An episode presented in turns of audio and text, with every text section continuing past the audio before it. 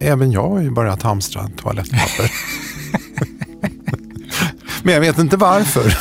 Mm, Men, men två delar. Det där är ju lite kul, tycker jag, att eh, kontrollbehov Mm. kallas ju freudianskt för att vara anal. Det är ju extra kul, tycker jag. Så vi blir bokstavligt lite anala. Då ligger toalettpapper väldigt nära till hands. Men, men det har ju att göra framförallt med eh, någon form av kontrollbehov. Vad kan jag kontrollera? Vad är en daglig rutin? Toalettpapper.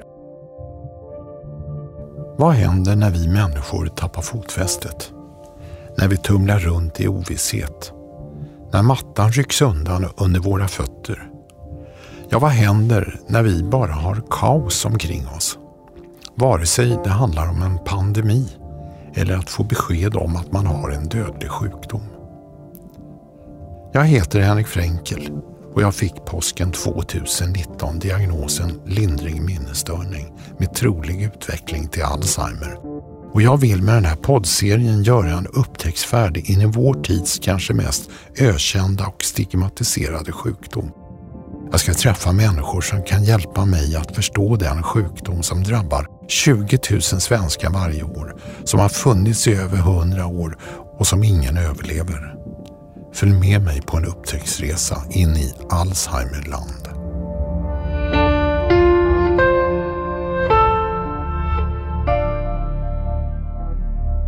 Och nu har jag Mikael Dahlén här i studion. Mikael blev ekonomiprofessor redan som 34-åring på Handelshögskolan i Stockholm.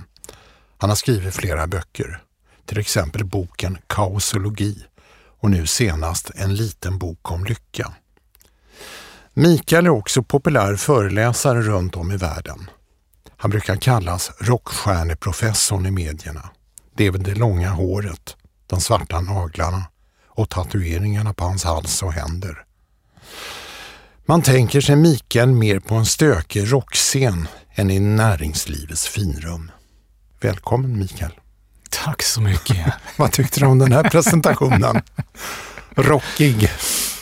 Ja, men jag tycker det är lite kul att få förknippas med stökiga rockscener eftersom jag en gång i tiden när jag växte upp trodde att det var det jag skulle ägna mig åt snarare än ekonomi och akademi. Vi har ju träffats flera gånger privat också. Oh ja. Eh, Nu senast förra vintern i Thailand. Du var löptränare på en eh, träningskamp där och det var ju väldigt överraskande för oss deltagare. En ekonomiprofessor som sprang i täten. Vad- hur kommer det sig? Ja, det, det finns väl två svar på det. Det, det ena svaret som, som har ett korn av sanning är ju att Anders Alkaj, som ju om någon vet hur man springer, Sveriges kanske främsta maratonlöpare genom tiderna, skulle varit med på resan, men av olika anledningar inte kunde. Och han och jag brukar ju missta oss för varandra i löparspåren ibland, för vi ser ganska lika ut. Långa, smala och långt hår. Mm. Och det är ju, jag vet inte hur smickrande det är för honom att i löparspåret misstas för en ekonomiprofessor, men för mig är det ju väldigt smickrande när jag springer att misstas för honom. Så, så det började delvis där, att jag eh, hoppade in. Eh, det andra svaret är att jag faktiskt har sprungit och tränat ända sedan skolåldern utan att kanske så många känner till det. Det har inte varit det jag främst har synts och pratat om. Nej, men det var det jag såg av dig där i alla fall. Mm. Eh, vi ska komma in på, på det där med träning också. Men eh, nu sitter vi här i studion på Södermalm på socialt behörigt avstånd. Just det. Vi sitter faktiskt på två meters avstånd.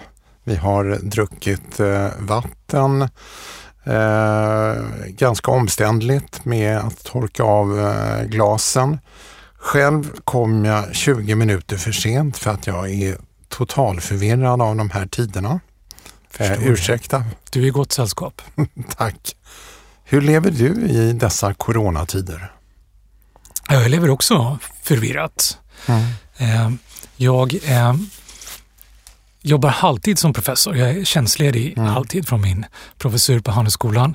Där är ju allt eh, i omdan under omdaning. Det är undervisning, forskning, handledning ska fortsätta men ingenting ska ske fysiskt mm. utan digitalt. Mm. Och det där får vi lösa allt eftersom. Studenterna ska få sin utbildning, sina examina. Mm. Eh, doktorander ska disputera, bli doktorer. Eh, jag och alla mina kollegor ska producera forskning och det får vi lösa allt eftersom. Så, så, så det är spännande, mm.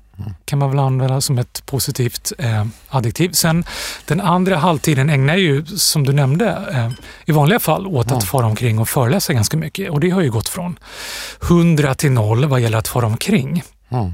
Däremot fortfarande att föreläsa, prata, göra någonting gör jag, men det blir också på, på nya sätt. Digitalt mm. eller i helt nya konstellationer och former. Och, så. och jag är väldigt ödmjuk inför att jag ju paradoxalt nog på grund av allt som ska ändras och, och fixas och tyckas till om har, har mer än någonsin att göra nu när andra oroar sig över att ha sysselsättning alls. Mm. Många känner en extrem oro och rädsla i de här tiderna. Vad, vad känner du? Är du rädd? Orolig? Nej, jag är inte rädd. Inte rädd för egen del därför att jag inte befinner mig i någon riskgrupp, varken epidemiologiskt som vi känner till, mm. eh, inte ekonomiskt därför att jag har det så väl lagat, eh, vilket jag är väldigt glad och tacksam för. Eh, och inte heller socialt för att jag har ett, ett stort nätverk omkring mig. Jag känner också att det är mitt ansvar att inte vara rädd för, för oss tillsammans heller. Varför det? Eh, därför att jag tänker... Vad har du för ansvar? Jag tänker både som, som ekonomiprofessor mm. är det mitt ansvar att tänka positivt därför att ekonomi likt coronaviruset är någonting epidemiologiskt där vi påverkar varandra och smittar varandra. Och är vi för negativa så, så, påverkar vi ekonomin negativt. Vi får en finansmarknad som dyker, vi får mer räddhågsna företagare som är än snabbare att dra åt svångremmar och varsla och så vidare. Så att, att tro att vi faktiskt kan hantera det, att det kommer gå över och inte springa för snabbt ner för branten är viktigt och det är mitt ansvar. Men vad säger man till en restaurangägare som för tre veckor sedan hade fullt på krogen och nu är det tomt? Ja, och det är en viktig distinktion mellan stora företag och offentliga finanser mm. som behöver göra ett ordentligt arbete nu mm. för alla skull. Därför att vi alla hänger ihop. Eh, privatpersoner, stora företag, eh, det offentliga och små företag. Och det är det jobbiga eh, med den situation vi befinner oss i är ju att det är framförallt småföretagen som drabbas. Mm. Men du säger att man får inte låta sina psyken påverkas eller färgas av det som händer nu. Men verkligheten är ju att företag går i krasch. Många förlorar sina jobb. Ja, och, och till restaurangägare som du nämner, till restaurangpersonal mm. så, så vill jag ju eh, uppmana till tillförsikt att vi kommer lösa det här tillsammans. Men det är lätt, eh, lätt att säga. Ja, det är lätt att säga. Mm.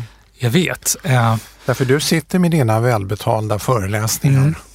Mm. Mm. Eh, Eh, jag försöker bara komma åt psyket. Ja, absolut. Nej, nej, men det är viktigt för mig bara att påminna ja. om att när vi pratar nu så har regeringen lanserat sitt krispaket mm. för småföretagare som, som ska hjälpa till på flera sätt som att eh, skjuta upp skatter, eh, dra ner eh, arbetsgivaravgifter, mm. eh, gå in och kompensera hyror, eh, garantera banklån och så vidare. Regeringen börjar komma igång nu och jag förväntar mig och tycker också att det är mitt ansvar att säga det mm. i ett sånt här sammanhang. Att regeringen ska göra ännu mera, att vi ska prata krispengar och så vidare. Så jag hoppas ju och tror ju på att hjälp är på väg även om den inte är här nu. Men att ha tillförsikt att den kommer, det är det första. Mm. Det andra är att kalendern talar lite för oss. Vi, vi går in i vår nu när det blir lättare att ta sig utomhus. Vi, vi har ju lyxen i det här landet att faktiskt kunna hålla avstånd utomhus. Vi har så mycket yta mm. och en så relativt liten befolkning. Att det blir lättare att ta sig utomhus, uteserveringar och så vidare. Smittorisken minskar och på så sätt hoppas jag att det går att komma på nya lösningar för att faktiskt hålla verksamheten Men du tror att, du tror att, att uh, det kommer vända på något sätt. Men kan du se konturerna? Du är ekonomiprofessor. Finns det något gott i den här krisen också? Ja, och det där är ju återigen, jag, jag är eh, ödmjuk inför det faktum att det är väldigt många människor som är oroliga eh, och har det svårt nu. Och, och, och, vi måste få vara oroliga. Det går inte bara att förneka att det finns anledning till. Mm till oro. Så, så, jag vill inte, precis som du påminner mig om, jag vill inte låta hurtfrisk och säga mm. äh, det där är ingenting med en klackspark. Mm. Eh, jag tänker bara att vi, vi måste få vara oroliga men också våga tänka tanken så ofta som möjligt. Att vi kommer lösa det på något sätt mm. tillsammans. Eh. Men jag tänker också, ibland, det kanske är lite, lite makabert att säga det, men, men vid skogsbränder så ibland kan det vara bra med en skogsbrand för att det kommer något nytt. Kan det komma något nytt av den här krisen? Ja, men du har helt rätt. Eh, med den brasklappen att vi måste vara ödmjuka för att ja. det är ett tufft läge. Ingen av oss skulle önska oss det här läget. Nej, men nu har vi det. Precis. Så, så finns det ju flera delar i det där. Eh, skogsbranden nämner du. Jag, jag tänker själv på snökaos. Mm. Eh, snökaos i Stockholm mm. är eh, ett av de få tillfällen under året när stockholmare frivilligt pratar med varandra på gatan med främlingar mm. vi inte känner. Det märker vi ju nu. Mm. Hur vi alla faktiskt upplever att vi är i situationen tillsammans. Vi delar med det här, vi kommunicerar. Mm på andra sätt. Det, det, är lättare att, att le mot någon på gatan, att hitta varandra via sociala medier. Jag har fått tusentals nya vänner på Facebook och det som är häftigt där tycker jag är att väldigt många av dem är nya på Facebook. Det, mm. det, det är, många av dem är människor födda på 50-40-talen. Och varför är det så att vi börjar kommunicera på ett nytt sätt? Vi kunde göra det för fyra veckor sedan också. Ja, och, och det är ju det som som är skogsbranden i det hela. Helt plötsligt dras saker till sin spets. Helt plötsligt är det många människor som, som sitter instängda, mm. inte kan kommunicera i de cirklar mm. de är vana vid. Mm. Och på så sätt eh, kommer ett mer akut läge att hitta nya sätt att kommunicera, nya cirklar. Och det häftiga med det tycker jag ju är att, att då, då kommer de här människorna in på samma plattform och i samma sammanhang som, som jag, som mina barn, så många andra, så möts vi mm. på ett sätt som, som vi inte gjort under så många år fram till nu. Mm. Men jag håller med dig om det. Jag, jag själv sitter i karantän. Jag är 70 år, jag borde inte sitta här med dig eh, egentligen. Eh, det är någon som kommer anmäla mig till regeringen att jag har alla, jag tillhör ju riskgruppen så jag borde överhuvudtaget inte jobba men nu eh, spelar vi in den här podden ändå men jag sitter på landet i karantän mm. och eh, vi har det otroligt mysigt och det finns en Alltså jag kan inte komma ihåg att det har varit så mysigt i mitt liv sedan jag var liten på 50-talet. Ja, men det är någonting fint. Eh, det lilla livet har blivit eh, viktigt. Eh, mm. Man ringer runt till sina vänner, inte för att man har en, eh, en fråga eller eh, något viktigt att säga utan man vill bara kommunicera. Jag är här och eh, hur mår du? Allt det där vi tänkt göra sen. Ja. När vi klarat av det vi måste göra först. Precis. Mm. Ja. Det tycker jag också är enormt häftigt. Att vi faktiskt ser det där som finns i vårt lilla liv, i vår närhet. Eller för den delen på andra sidan jorden som vi tänkte ska plocka upp luren eller skicka iväg ett meddelande som inte får gjort. Att vi faktiskt nu upptäcker mm. det Du, du har ju också skrivit en bok eh, för länge sedan som heter Nextopia där du, som handlar om det du kallar för förväntningssamhället men som också handlar om ny teknik och mm. hur ny teknik har omvandlat samhället. Eh, det är väldigt mycket som händer på det tekniska just nu. Kan ja. du se stora förändringar där också? Där tror jag att vi får se ett språng nu. Och vad är det Definitivt. Då? Vi har ju varit på väg mot att digitalisera mer och mer, att kunna samverka utan att behöva mötas. Eh, inom utbildning inte minst blir det jättetydligt för mig att det är någonting vi har pratat om länge men inte riktigt kommit till skott med. Därför att det är lite obekvämt att behöva göra om och tänka nytt. Mm. Och nu är det ju obekvämare att inte göra det, så mm. vi skyndar ju på den Du tänker på möten via Skype och liknande? Ja, eh, digitala utvecklingstjänster. Mm. Eh, jag, jag, tror också eh, väldigt många flera nu eh, såklart eh, tillgodogör sig möjligheterna som funnits där i några år att eh, handla hem mat, mm. eh, vare sig det är livsmedel eller färdigmat, vad det nu är. Och de tjänsterna är fortfarande inte riktigt vassa därför att vi inte haft riktigt tillräckligt stort underlag för det. Mm. Men nu dras det på. Vilket mm. är en väldigt enkel sak men som förändrar vår tillvaro jättemycket. Resande tänker jag också. Eh, mm. Kommer vi minska det? Det där är så spännande tycker jag. Jag är ju yrkesskadad som akademiker. Ja. Eh, så, så det finns ju en professor i mig som är enormt nyfiken på det globala naturliga experiment vi är med om nu som vi aldrig hade kunnat göra annars. Och vad är det då? Där vi ser vad händer egentligen med klimatet? Mm. Som ju varit det vi alla pratade om fram mm. till för några veckor sedan när det blev någonting annat som var ännu mer akut. Men när det pratats om vi måste värna klimatet, vi måste se över våra resvanor och så vidare. Och, och debatten har varit kring men hur stor skillnad gör det egentligen om jag hoppar över en bilresa, en flygresa eller vad det nu är. Nu får vi veta hur stor skillnad gör det. Vad är magnituden på skillnaden vi kan göra om vi sätter stopp och hur fort går det här? Då vet vi ju sen vad, vad, är värdet av att se över våra vanor? Hur mycket behöver vi göra? Det är enormt spännande och med det facit mm. blir det ju väldigt mycket lättare att fatta beslut och ändra våra vanor. Men menar du att vi drabbas av en kris, coronan, men vi eh, lär oss att lösa en annan kris, klimatet? Ja, det, det är ju många som pratar om och det kommer ju komma en hel massa romaner, tv-serier, science fiction-filmer mm. och så vidare på temat antingen att det här är en konspiration från någon statsmakt eller liknande eller att det är naturen som har ett budskap till oss. Mm. Eh, bortsett från allt det där, definitivt är ju det här ett, ett makalöst eh, lärotillfälle. Mm.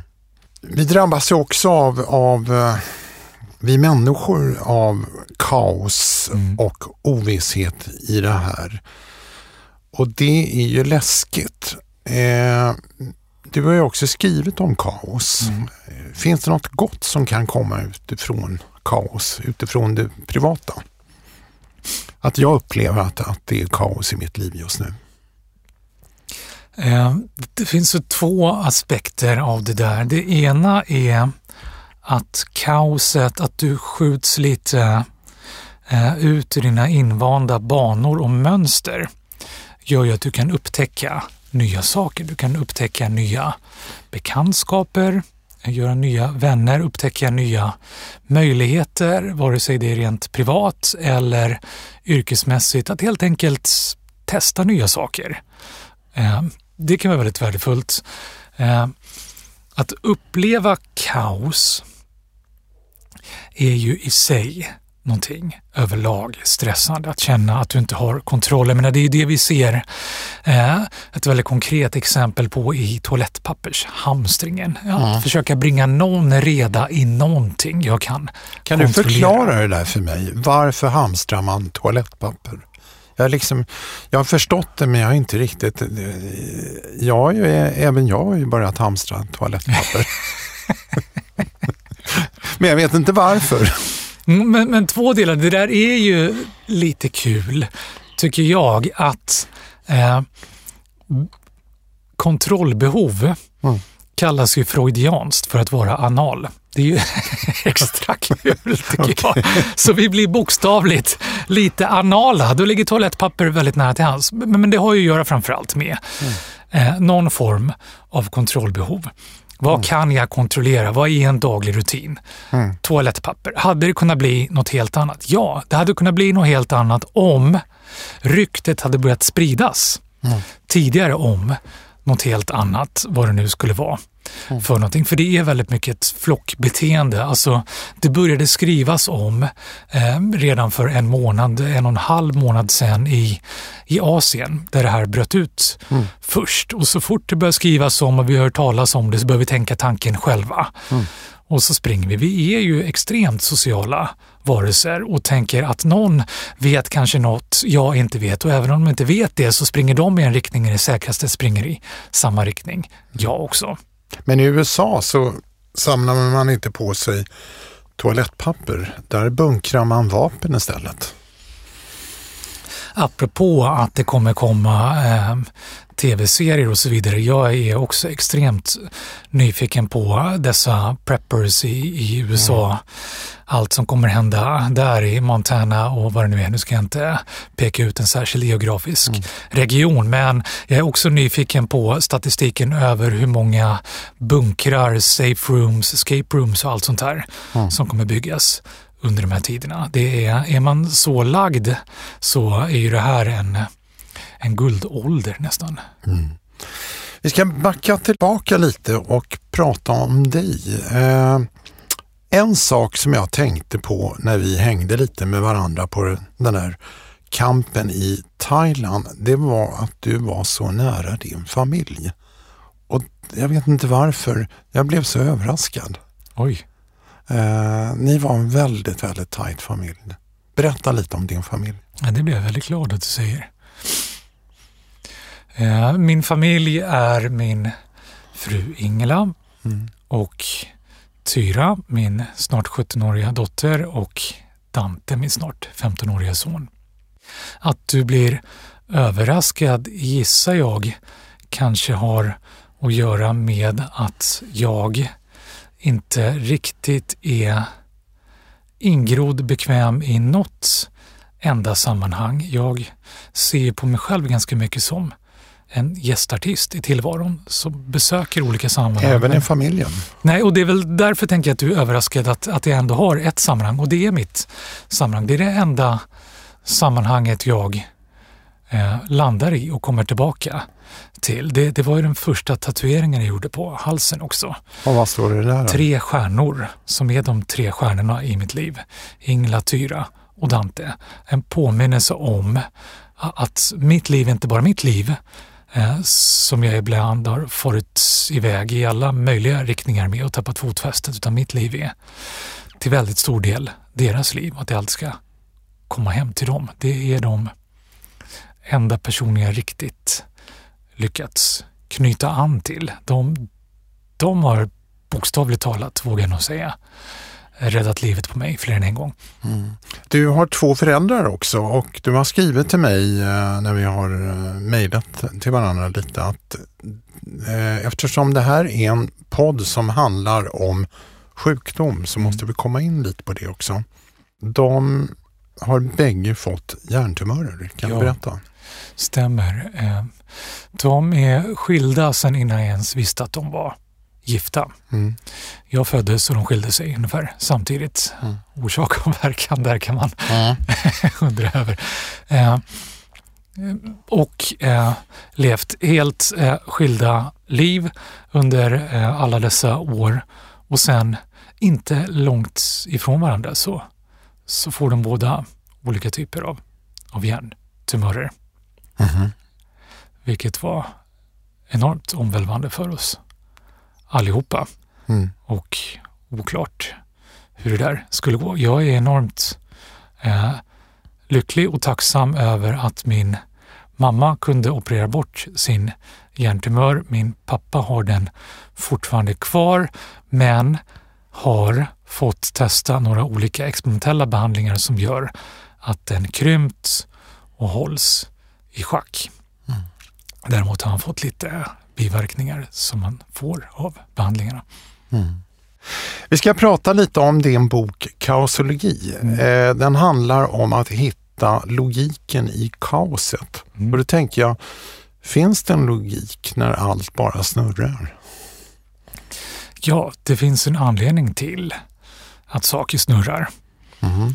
Och saker hänger ihop i hur de snurrar. Mm. Det blir ett kaos när eh, allt sker så snabbt och samtidigt att vi har lite svårt att reda ut det. Oftast blir det först i efterhand. Mm. Tid och tempo mm. för att bli klok på vad som egentligen hände och reda ut det. Mm. Alltså ett exempel på det är ju det vi upplever nu mm. med coronan, med klimatet, med ekonomin och så mm. vidare som vi är enormt osäkra på och inte riktigt vet vad som händer och vad det leder till men som vi kommer lära oss jättemycket av sen mm. och förstå. Men, men, livet på det stora hela, och det var också därför jag skrev den här boken Kaosoli, det, det drabbade mig i högsta grad. Jag sprang in i den berömda väggen för ett antal mm. år sedan. Eh, först slutade min arm att fungera. Mm. Eh, men då blev jag, det var min högerarm som slutade fungera. Jag blev ganska snitsig på att använda vänsterarmen istället. Jag var högerhänt och kunde fortsätta ett tag tills högerbenet också mm. slutade fungera. Då fick jag göra utredningar och eftersom båda mina föräldrar haft hjärntumörer så, så var det det man misstänkte och då kunde konstatera till slut att det inte var fallet utan det var, det var för mycket av allting. Det Men vad lärde du dig av ditt kaos som du hamnade i?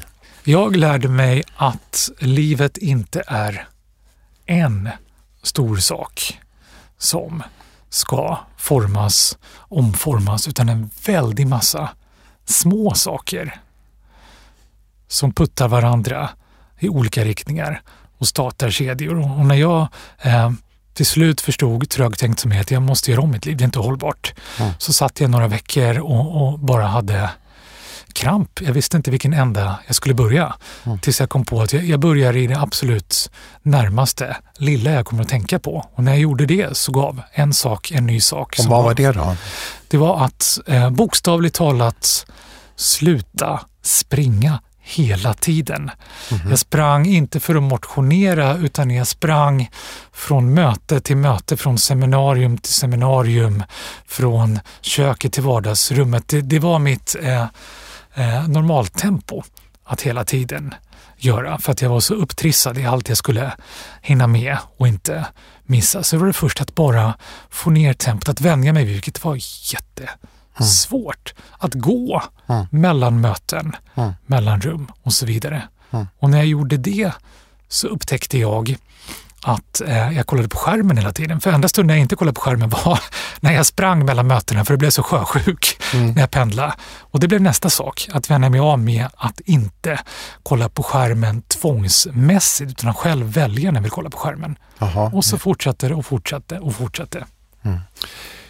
Du har ju skapat ett antal nyord i din mm. bok och ett av orden är du ju lite inne på här och det är avmostifiera. Ja det har hjälpt mig jättemycket. Mm. Och är ett ord som jag vet har fastnat hos många. Att faktiskt ta bort några måsten ur livet, mm. ur varje dag. Och vad är det viktigaste måstet som du har tagit bort? Ja, det är någonting jag faktiskt tänker på varje dag och du nämnde tidigare att jag har tatueringar på, på händerna. Mm. Eh, en av de tatueringarna jag har är just en påminnelse. Mm. Därför att jag glömmer bort saker som gjorde ont att lära mig och, och, och som jag fick tänka till ordentligt innan jag förstod. Jag glömmer i alla fall mm. bort det. Så, så, jag har en tatuering som påminner mig varje dag att eh, upptäcka, finns det några måsten jag är i begrepp att göra som mm. jag faktiskt kan stryka. Eh, jag nämnde möten. Möten är ett väsentligt sånt måste. Eh, jag har varit väldigt inrutad i möten mm. som jag måste göra, upplevde jag, mm. för andras skull. Det är kommittéer, det är avstämningar, det är remisser och allt vad det är. Nu pratar jag inte sociala möten. Mm. som jag har gått på som tagit väldigt mycket av min tid och som jag ändå bara bestämt mig för att om jag hoppar över ett sånt möte och så ser jag vad som händer. Och det visade sig att världen gick bevisligen inte under. Vi sitter här. Eh, min karriär gick inte i stöpet, om man nu kan kalla det för en karriär. Jag har fortfarande det jobbet kvar. Och det visade sig dessutom att eh, personen jag skulle möta tyckte det var ganska skönt för att hen eh, också kände att det kanske är någonting som vi skulle kunna göra på ett annat sätt. Men vi tog lite varandra gisslan där för att vi båda tänkte att men vi måste gå på det här mötet därför att den andra personen förväntar sig och har planerat. Men det är lite kul för att jag har en eh, ett exempel på det igår. Jag skulle haft ett eh, telefonmöte men kände att eh, det är kanske onödigt, vi kan skjuta på det. Så att jag föreslog att vi skjuter på det där mötet. Mm. Och andra personen tyckte att det var kanonbra idé. Ja. Så vi bestämde oss för att vi skjuter på det. Och sen i rena glädjen över att vi hade skjutit på det så sa vi, vi kanske ska ta det ändå. Och så gjorde vi det. Eh, men det var liksom glädjefyllt och inte måstefyllt. Ja, men den är klockren. Ja. Precis. För, det finns, om du tänker efter, jag har ju testat det här ja. på, som jag alltid gör som du vet. Ja. Testar på många hundra människor, bland annat mina gamla studenter som har fullt med måsten både i karriären och, och, och det sociala. Och, och, de har överlevt det här och fört dagböcker där jag kunnat se hur det går för dem. Det har gått bra. Eh, men, men det handlar inte bara om att ta bort saker utan att faktiskt kanske tänka till, precis som du nämner, och mm. se kan det finnas anledningar till att vi vill mm. göra det här? Ja. Istället för att uppleva det som ett måste. Ja. Och så gör vi det i alla fall med mera glädje och energi och kanske ägna mer tid åt det ja. istället. För att vi får ut någonting av det. Eh, om vi går tillbaka till din forskning, mm. professor Dahlén. Du är ju professor ändå. Säger en överraskad, ja. du gjorde ett experiment för några år sedan. Du skulle ändra ett antal vanor och eh, det kan vi ju alla göra. Mm. Och då tar vi i med kanske en vana som vi ska ändra, eller två, eller fem. Mm. Du ändrade 40 vanor på ett år. Mm. Varför det? Ja, vi var lite inne på det. Delvis var det för att jag behövde mm. förändra mitt liv. Mm. Och, och, det var inte bara, för att du hade gått in i ja, väggen? det var inte bara en utan en väldig massa små saker visade sig mm. som jag upptäckte steg för steg. Eh, det andra var att jag, som du vet, har, har svårt att göra saker riktigt måttfullt. Om mm. jag testar något så tycker jag det är kul att, mm. att testa det ordentligt.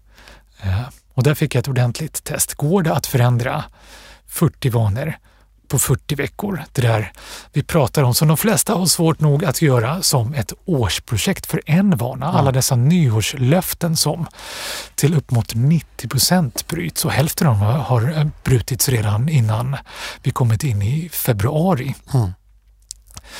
Är det så svårt kan det rent av vara så att vi gör det till för stora projekt. Mm och tar för lång tid på oss. Om vi mm. istället gör det till ett litet projekt och gör det riktigt ordentligt på en gång.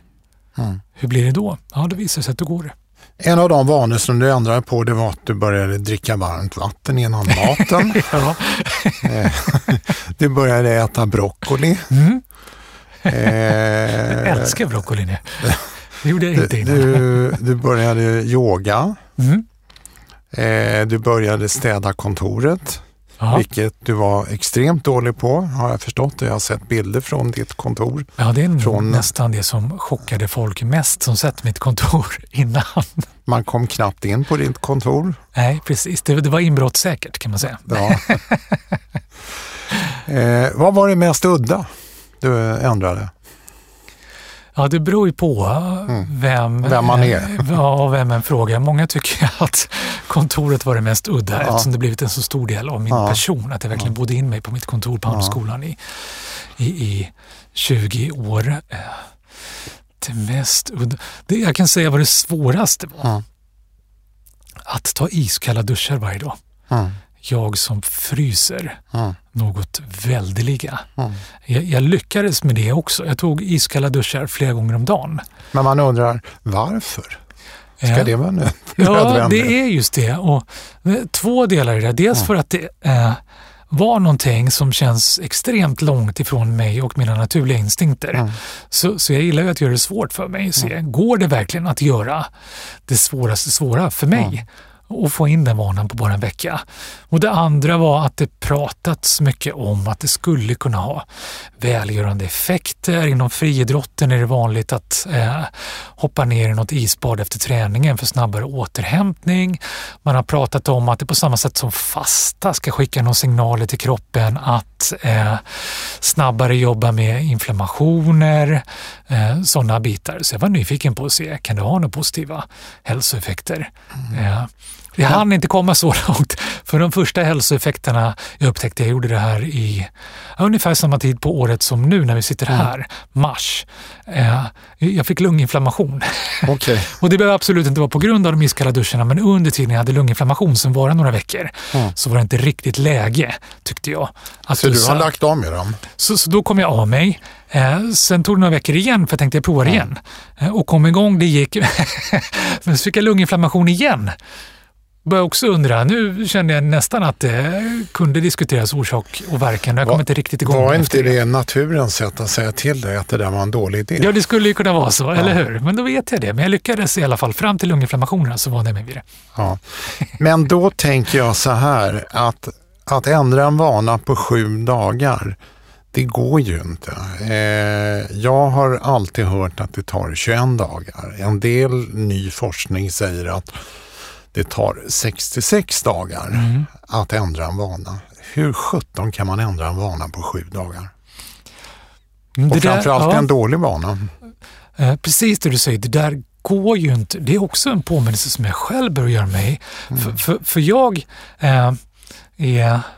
Jag tänker på det som, som hindersblind. Jag är väldigt dålig på att se sådana här. Det går inte och därför får jag väldigt ofta höra det från folk.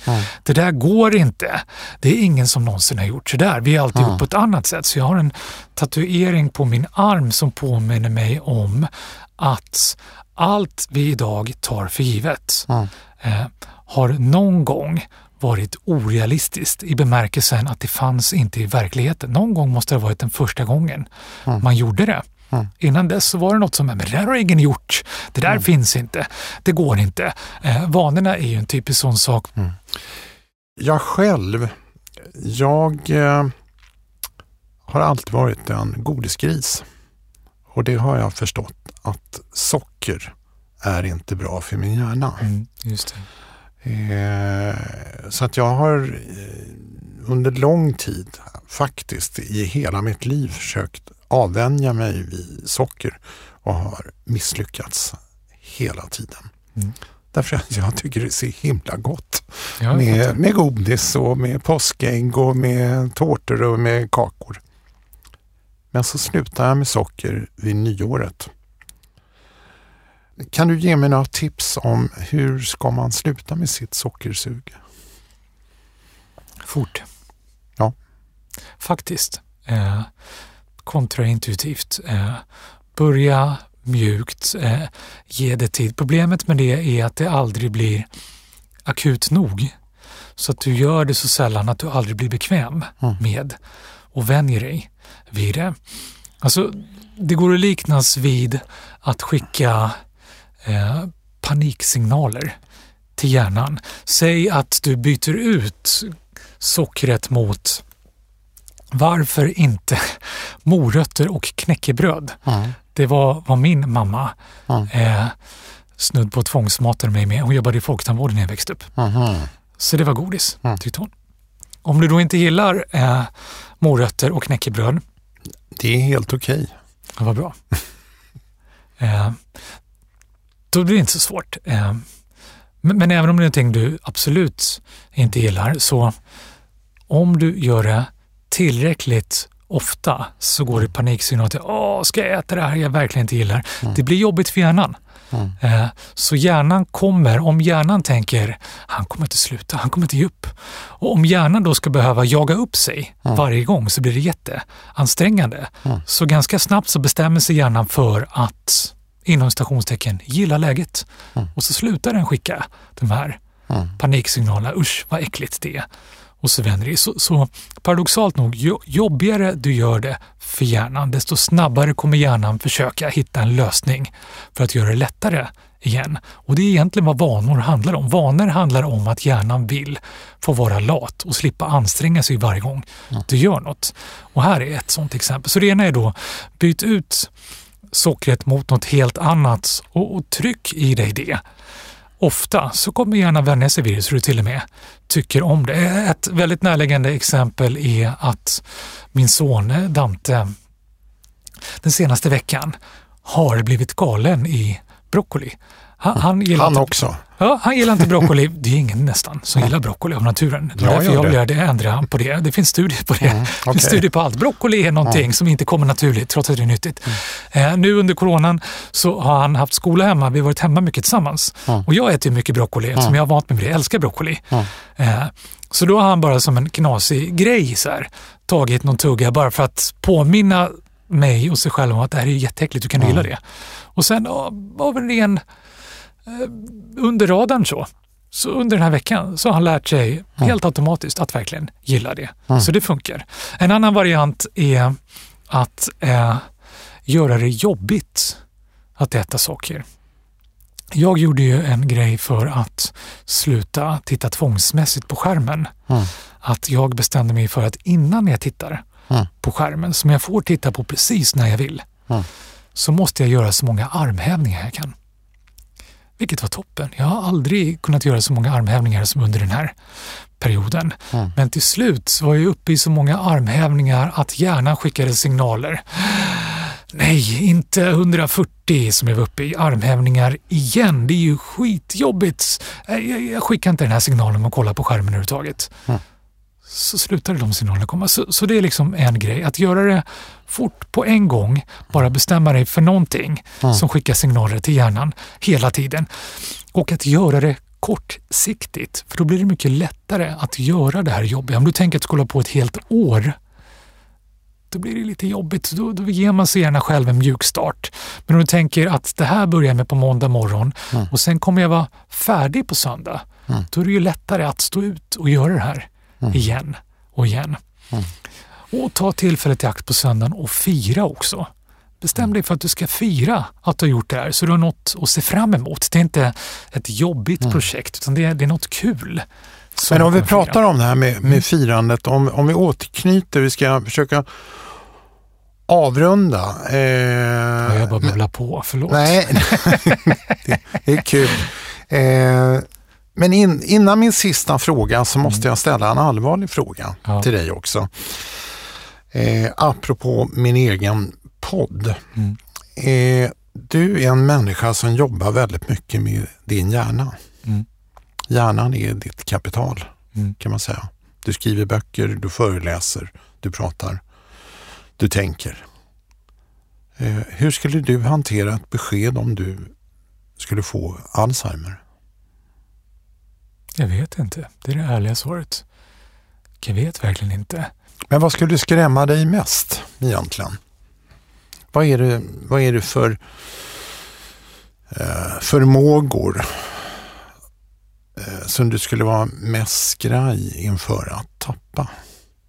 Är det minnet eller är det att eh, inte komma ihåg dina närmaste, tappa Ja. ord, Mm, alltså inte ju... veta hur du ska uttrycka dig, jag tappa har, orienteringen? Ja, jag har ju ett lite skakigt minne. Det är därför jag har eh, kroppen fylld med tatueringar Är det så? som påminnelse. Ja, jag, jag har eh, lätt att glömma bort saker därför att jag har så mycket nytt som snurrar i huvudet Mm. hela tiden. Eh, är lite förvirrad. Eh, nu nu eh, är det ingen som flyger och vi får se hur det blir med det igen. Men förr, Bromma flygplats i Stockholm är ju intressant därför att där går du ut genom eh, en bestämd gate Mm. Eh, men sen står planen uppställda så du kan, jag kan och mm. har gått på, på fel plan. Mm. Tidigt en morgon, eh, sexsnåret, satt mig där och somnat så jag hör inte när de pratar. Ja, god morgon eh, mina damer och herrar, det här ja. planet går till. Så jag har inte upptäckt förrän jag har landat i fel mm. stad. Så jag har lite sådana drag, definitivt. Eh. Men om du går in i känslan av mm. att tappa förmågor successivt? Mina nära och kära som vi var inne på. Mm. Det är det som skrämmer mig mest när jag tänker på det nu. Därför att de är och har varit min enda fasta punkt mm. i tillvaron. Jag är eh, totalt beroende. Jag är vid liv på grund av dem. Så det, nu när du säger det, är det första som poppar upp i mitt huvud. Sen är såklart alla de där sakerna läskiga. Och jag hoppas att jag på samma sätt som du skulle eh, jobba på det på alla olika fronter och nivåer och se hur jag inte bara eh, skulle ge upp och, och låta allt det där ske utan försöka hitta, hitta lösningar, göra det bästa av vad som går där. Och det där tycker jag ju är jättespännande och hoppfullt och du vet ju mycket mer än jag om det där med, med, forskning och framsteg som görs, både rent medicinskt men också som du nämnde tidigare, förändringar i livsstil och så vidare. Jag tror att det är så enormt viktigt i alla sammanhang att, att, att våga tro, att försöka, att inte helt ge upp. Mm. Vi ska sluta, men vi ska sluta i något hoppfullt. Eh, alla de som, eller alla vi som lever nu i det här kaoset, vare sig det handlar om sjukdom eller om det handlar om eh, Eh, förlorade jobb eller osäkerhet när det gäller ekonomin. Eh, vad är belöningen? Du pratade om belöningssystemet. Finns det en belöning om vi tar oss igenom det här? Ja, det finns belöningar. Som akademiker såklart så, så är ju den första belöningen jag tänker på allting vi lär oss. Det här är ju ett stresstest eh, av rang. Det vill säga vi testar systemet socialt om vi kan knyta an, hålla samman, hitta vägar till varandra under den största press vi i vår del av världen varit med om mm. i, i, modern tid. Det är ett stresstest ekonomiskt. Eh, får vi ihop lösningar för ekonomin på det stora hela, för större företag och precis som vi pratade om tidigare extremt viktigt för alla dessa mm. småföretagare. Eh, och också ett stresstest epidemiologiskt, för det, det, det kan vi nog eh, säga Eh, med, med lite för stor säkerhet att det här är inte den sista gången vi är med om virus och, och smittspridning med tanke tycker, på att vi tycker lever att vi, att vi, Hur tycker du det går? Tycker du att vi klarar det här stresstestet? Ja, vi har ju inte facit än. Vi vet ju inte helt säkert om vi befinner oss på botten, på väg ner eller på väg upp. Men jag är fullt och fast övertygad om att vi klarar det här. Eh, alla delar av det. Och det jag känner mig tryggast med är ju det sociala. Jag är ju enormt glad över att se hur vi har knutit an så många människor mm. på nya sätt. Det tycker jag är helt fantastiskt och makalöst och jag tänker att till största del börjar och slutar med just det. Så länge vi knyter an och känner den gemenskapen. Så mitt i alltihopa så har vi eh, blivit mer tacksamma och kanske lite bättre människor också. Ja, jag tror och hoppas det. Och jag tänker också att det i förlängningen kan leda till hållbarare liv. Det har ju varit en diskussion innan det här hände. Mm. Att det inte är hållbart för klimatet, det, det är inte hållbart ekonomiskt heller. Jag satt bara för några månader sedan och pratade med, med chefen på centralbanken i Europa om mm. att ekonomin inte håller. Och då var vi ändå på en helt annan plats ekonomiskt. Mm. Mikael Dahlén, jag är jätteglad över att du ville komma hit. Jag också och tacksam. Mm. Och eh, lycka till framöver. Tack Eh. och tack detsamma. Och tack till alla lyssnare. Ja, tack.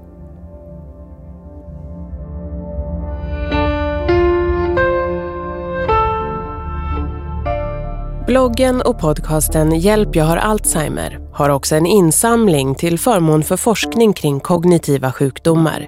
Ni hittar den på alzheimerfonden.se. Insamlingen stöds av Hemfrids ruttjänst Vardagsomsorg, en tjänst som förenklar vardagen för äldre och deras anhöriga.